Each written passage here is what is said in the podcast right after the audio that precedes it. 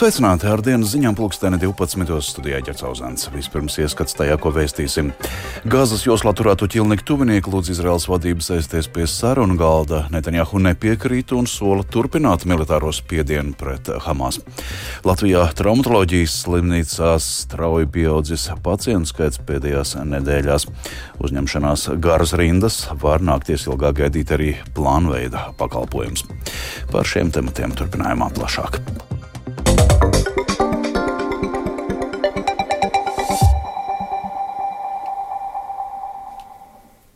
Turpinās Izraels karš pret Gazas joslā valdošo teroristu grupējumu Hamas. Izraels premjerministrs Benjamins Netanjahu, reaģējot uz protestiem, kas izcēlušies pēc tam, kad Izraels karavīri nejauši nogalināja trīs ķilniekus Gazas joslā, paziņoja, ka Izraela turpinās cīnīties par savu eksistenci. Apvienotā karalista un Vācija aicinājušas panākt ilgtspējīgu pamieru Gazā, norādot, ka karš ir prasījis pārāk lielus palestīniešu civiliedzīvotāju upurus. Turpina Rustums Šukurovs. Izraēlas aizsardzības spēki īstenojuši vairākus triecienus Hamas objektiem Džabalijas palestīniešu bēgļu nometnē Gazas joslas ziemeļos. Tāpat Izraēlas armija un drošības dienesti īstenojuši Džabalijā esošās Kamala Advans slimnīcas ieņemšanas operāciju. Hamas vadība slimnīcas teritorijā bija izvietojusi vienu no saviem komandcentriem, paziņoja Izraēlas armijas preses sekretārs Daniels Hagarī.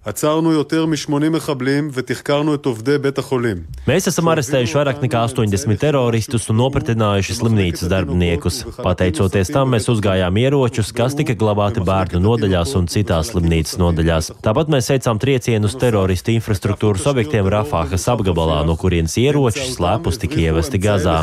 לשטח רצועת עזה. Preses konferencē Hagarī arī dzen norādīja, ka Izraēlas armija turpina izmeklēt incidentu, kuru rezultātā Izraēlas bruņotie spēki kļūdaini nogalinājuši trīs jaunus izraēliešu vīriešus, kuri kā ķīlnieki tika turēti Gazas joslā. Mēs atrodamies kara vidū, kas mums rada ļoti sarežģītas un grūtas situācijas, atzīmēja Hagarī.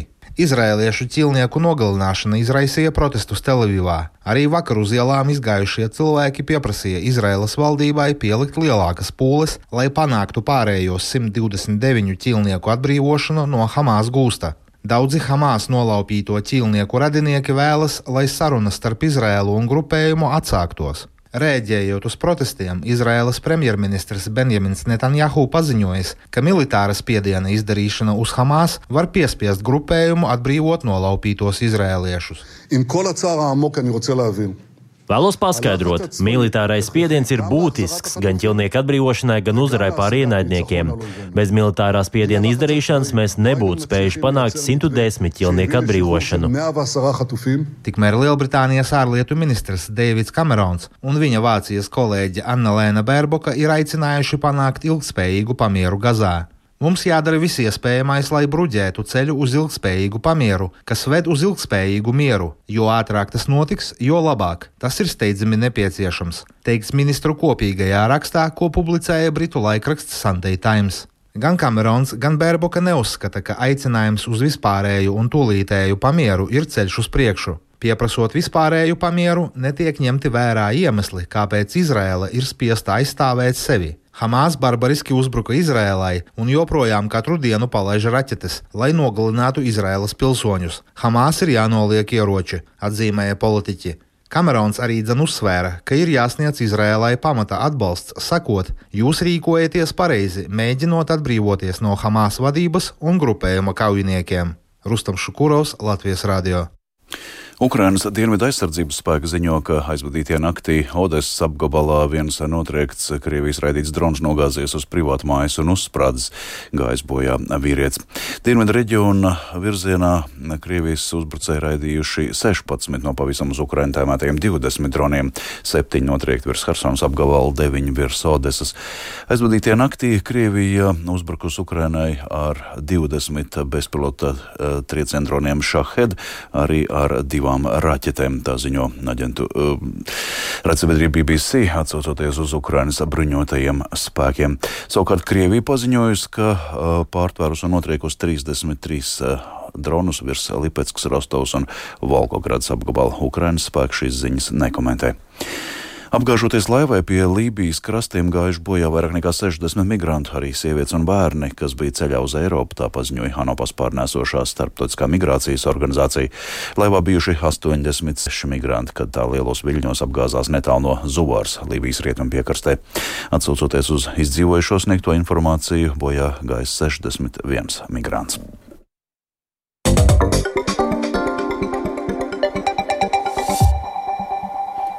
Pēdējās nedēļās laikapstākļu dēļ traumatoloģijas slimnīcās strauji pieaudzis pacientu skaits. Sniega dēļ cilvēku uz dažādas traumas, lūzums un mežģījums. Šobrīd slimnīcu uzņemšanās ir garas rindas, un pacientiem var nākties ilgāk gaidīt arī plānveida pakalpojums. Turklāt šajā laikā aktīvi izplatās arī dažādi vīrusi, un slimnīcas darbinieki slimo, līdz ar to palīdzības sniegšana šobrīd ir apgrūtināta. Vairāk par tematu stāsta Paula Devica. Nu pat aizvadītas vairākas pamatīgi sniegotas nedēļas, un brīvdienās jau sācies atpūsnis. Šādi laikapstākļi ik ziemu rada papildu noslodzi traumatoloģijas slimnīcās.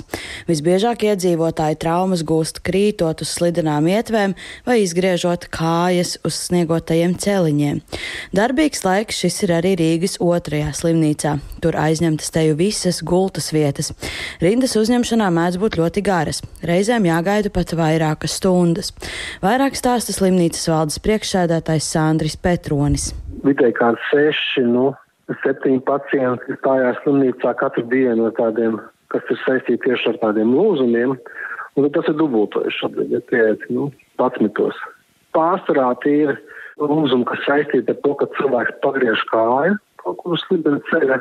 Ja, tas ir vairāk potīšu lūzumi, arī varbūt apakšstilbu lūzumi, kā numur divi. Daudz esot arī roku vai plecu lūzumi, kas radušies krītot. Petronis skaidro, ka slimnīcai pat nācies samazināt plānveida pakalpojumus, pārcelt tādas operācijas, kas var pagaidīt, piemēram, pēdu deformācijas gadījumā, vai, ja nepieciešams, izņemt pēdas implantu. Arī traumatoloģijas un ortopēdijas slimnīcā šobrīd ir liela rosība. Arī tur gultas vietas ir aizpildītas, un ikdienu uzņemšanā ierodas ap 50 cilvēkiem ar dažādām traumām. Turklāt šajā laikā slimo arī daudzi slimnīcas darbinieki. Tā stāsta slimnīcas galvenais ārsts Uģis Zariņš.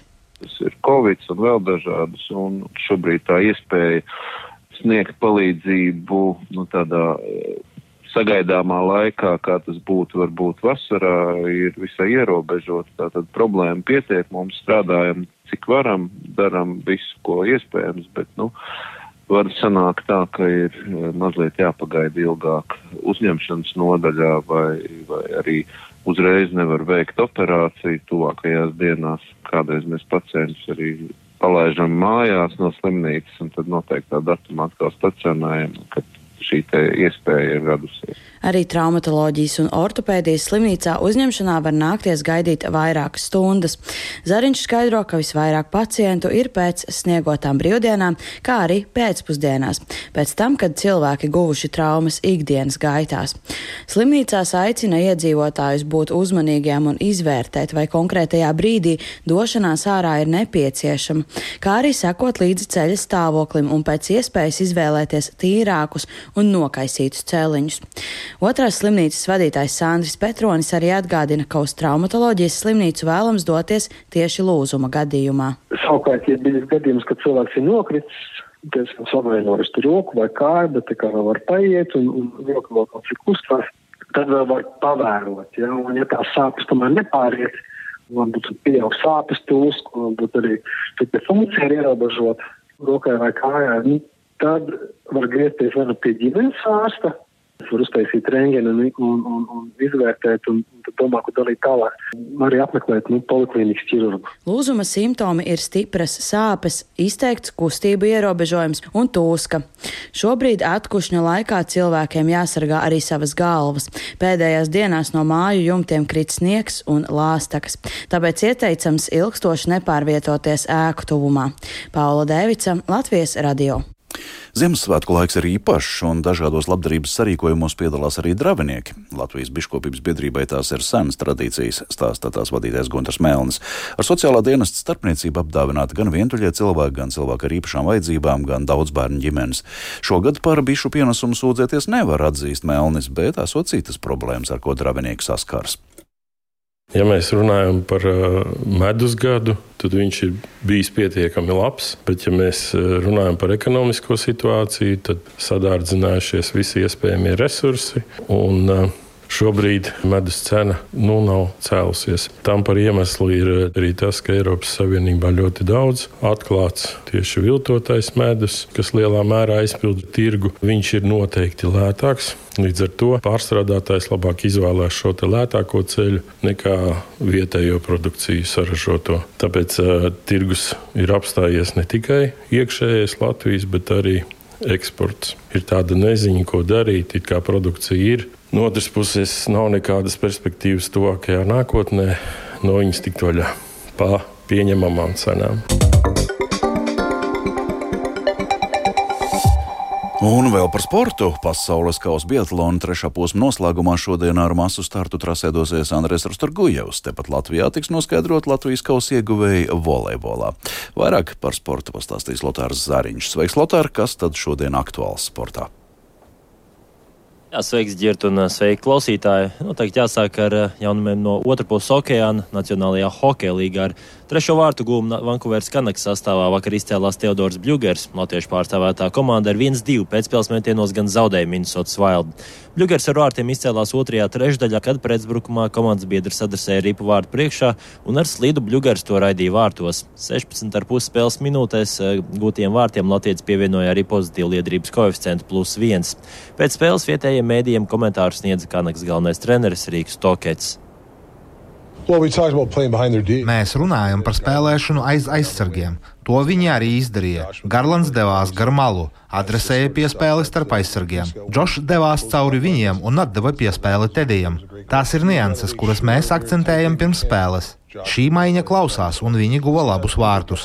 Saspringtās spēlēs jābūt pārliecinātam, ka tu palīdzi saviem komandas biedriem. Nevis esi apmierināts ar izmestu ripu ārpus zonas.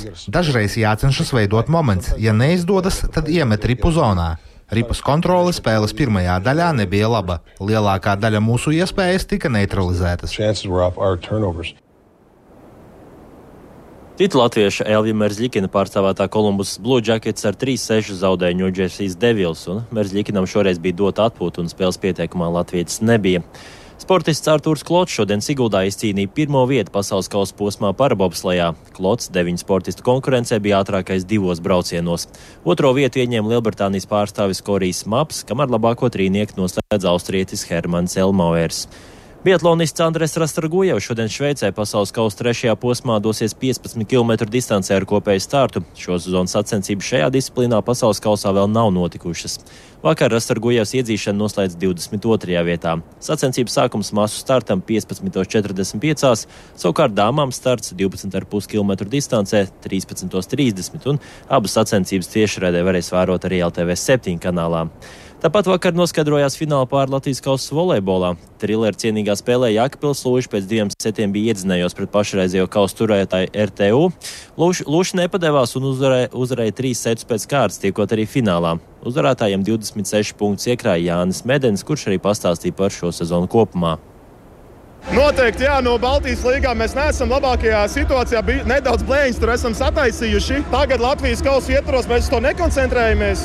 Mūsu mērķis ir Latvijas kausa. Latvijas kausa tituls, protams, vajadzēs arī sakārtot eh, nekārtību Baltijas līnijas ietvaros. Tas vēl tikai priekšā, viss ir iespējams. Domāju, ka uh, pēc šīs kolorītās spēles mēs esam uh, atgriezušies uz pozitīvas nots. Visi komandas biedri un uh, treneru korpuss ir uz pozitīvas nots. Es domāju, jānotur uh, pozitīva enerģija. Un rītdien ar tādu duku vai pat uh, reiz trīs jāiet vairāk un jāspēlē pret uh, Daugopils universitāti. Ar šādiem jaunumiem sporta pasaulē iepazīstināja Lotārs Zariņš. Bet līdz ar to arī izskan dienas ziņas 12. Tās producēja Vija Bremse, pārlapskaņa rūpējās Kaspars Groskops un Mārtiņš Paeglis, studijā Ģercauzāns. Rīgā šobrīd 5 grādi, rietumvējš 3 m2, atmosfēras spiediens 766 mm un gaisa mitrums 91%.